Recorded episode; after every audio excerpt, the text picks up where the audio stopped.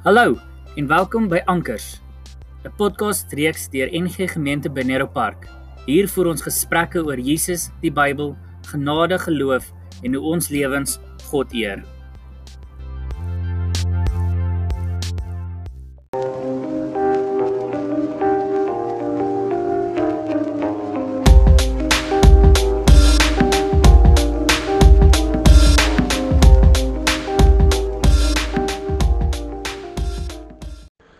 Goeiemôre. Dit is Vrydag en amper naweek. Dit is die 9de Oktober.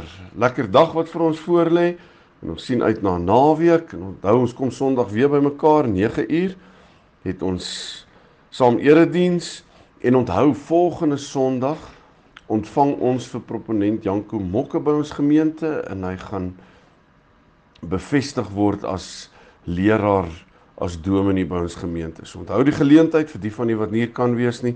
Dit sal natuurlik op Facebook uitgesaai word ook. So ehm um, onthou ook ons eredienste gaan aan. Ons saai dit steeds elke Sondag uit. So julle is welkom om daarbey aan te sluit vir die wat voel hulle wil eerder nie kerk toe kom nie vir gesondheidsredes. Uh julle is nog steeds welkom om dit daar te volg. Ek wil veraloggend vir ons nog 'n Psalm lees dink in die wêreld waarin ons leef op die oomblik in Suid-Afrika voel daar baie chaos en dit voel amper asof die aarde die heelal buite beheer geraak het. Dit is amper soos iemand wat met 'n fiets teen 'n afdraande afry en daai stuurwiel begin te skud en te skud en jy wag net vir daai oomblik om te val. Want jy voel jy het nie beheer oor die fiets nie. En om dit te vererger, partykeer voel dit of jy nog agter op die carrier sit van daai fiets. Onthou hoe ons mekaar gelift het op fietsse. En dan jy weet nie wat gaan gebeur nie en jy moet net vasklou. En jy hoop en jy hoop dit gaan nie so erg wees nie. En ek dink op 'n manier voel baie van ons so. En ek het Psalm 71 gister weer gelees en ek wil dit sommer net lees, 'n kort gedeelte, 'n paar verse wil ek lees en ek wil dit vir oggend as 'n geloofsbelijdenis lees. Nie as iemand wat 'n klomp vrae het nie, want ons het vrae, ons kan dit nie ignoreer nie. Ons het vrae oor God se betrokkeheid. Hoekom doen hy nie iets nie? Hoekom verander daar nie eintlik iets in terme van ons land nie? So ons het baie vrae, maar ek wil vir oggend Psalm 71 lees as 'n geloofsbelijdenis. Die psalmskrywer hier in vers 1, hy sê Here, by U skuil ek. Laat my tog nooit teleurgestel staan nie. Red my en bevry my, want U is getrou. Luister tog na my en help my. Wees vir my 'n rots om na toe te vlug, waar ek altyd die veiligheid mag vind wat U tot my redding beskik het. Want U is my rots en my vesting. En dan gaan die Psalm aan vers 9. En ek weet baie ouer mense voel so.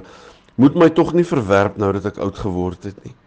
Moet my tog nie alleen laat nou dat my kragte ingegee het nie.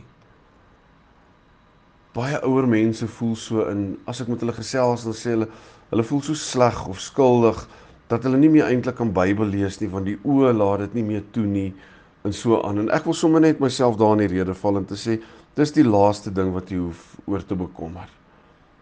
Ons ons wil almal graag Bybel lees, maar baie keer dan kan dit net nie meer nie. En ons gaan nie die hemel misloop omdat ons nie Bybel lees nie. Die mense in die antieke tyd kon nie een gelees het nie. Selde was daar ouens gewees wat kon lees en skryf. So hulle hulle het op die ek wil amper sê op die woord wat hulle gehoor het geleef.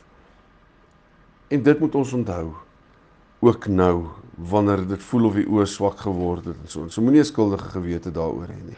Ek gaan aan vers 14. Kyk nou die vorige gedeelte sê hy luister, help my asseblief, moet my nie verlaat nie. En dan vers 14. Ek ek sal gedurig deur bly hoop. Ek sal u altyd weer loof. Sonder ophou sal ek van die verlossingswerk, van die verlossingsdade bly praat, want hulle is meer as wat ek kan tel. Ek kom om u magtige dade te prys, Here my God, die verlossingswerk wat net u kan doen. U het my van jongs af onderrig, o God. En ek getuig nou nog van u kragtige dade. Nou dat ek oud en grys geword het, moet U my tog nie alleen laat nie. O God, dat ek nog aan die geslagte wat kom kan vertel van U werk en U mag. U verlossingswerk, o God, is oneindig groot. Groot is die dinge wat U gedoen het. Wie is soos U, o God? En dit is amper die res van die Psalm wat sê: Wie is soos U, o God? En dit is die God wat ons aanbid. So ek wil net laat ons mekaar vanoggend weer herinner daaraan om te sê maar kom ons onthou net weer wie aanbid ons. Kom ons onthou net weer wie is God. Dat hy by ons is en dat hy ons skuilings is, ons rots op wie ons voete stewig kan staan wat nie sal skuif nie. Kom ons sê dankie. Here, dit is so wonderlik om te kan weet dat U ons God is. En natuurlik twyfel ons partykeer. Natuurlik voel ons ons is nie goed genoeg nie. Dit gebeur. En dan is dit soos wat daar 'n ander Psalm geskrywe staan wat sê my ek het amper my voet het amper gegly in my geloof. En ons voel partykeer so.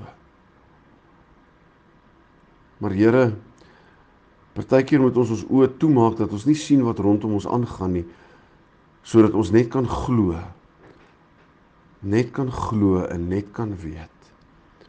Al sien ons oë om ons geweld en haat en oneerlikheid en mense wat mekaar nie kan verdra nie en onvergewensgesindheid, ons kan 'n lang lys noem. Al sien ons oë, dit moet ons dit partykeer toemaak dat ons net kan fokus op u liefde en die feit dat u ons God is. Ons kom vlug ver oggend na u toe. Ons kom hardloop ver oggend na u toe. Sê Here, beskerm vir ons asseblief want ons is u kinders aangeneem deur Jesus Christus, mede-erfgename saam met hom. En dit is waar ons ver oggend is by U. Ons wil as dit waar op U skoot kom sit en sê hou ons net vas asseblief. Hou ons net vas. Amen. Lekker dag verder vir almal. Ons sien Sondag en ons gesels Maandag weer verder. Lekker naweek.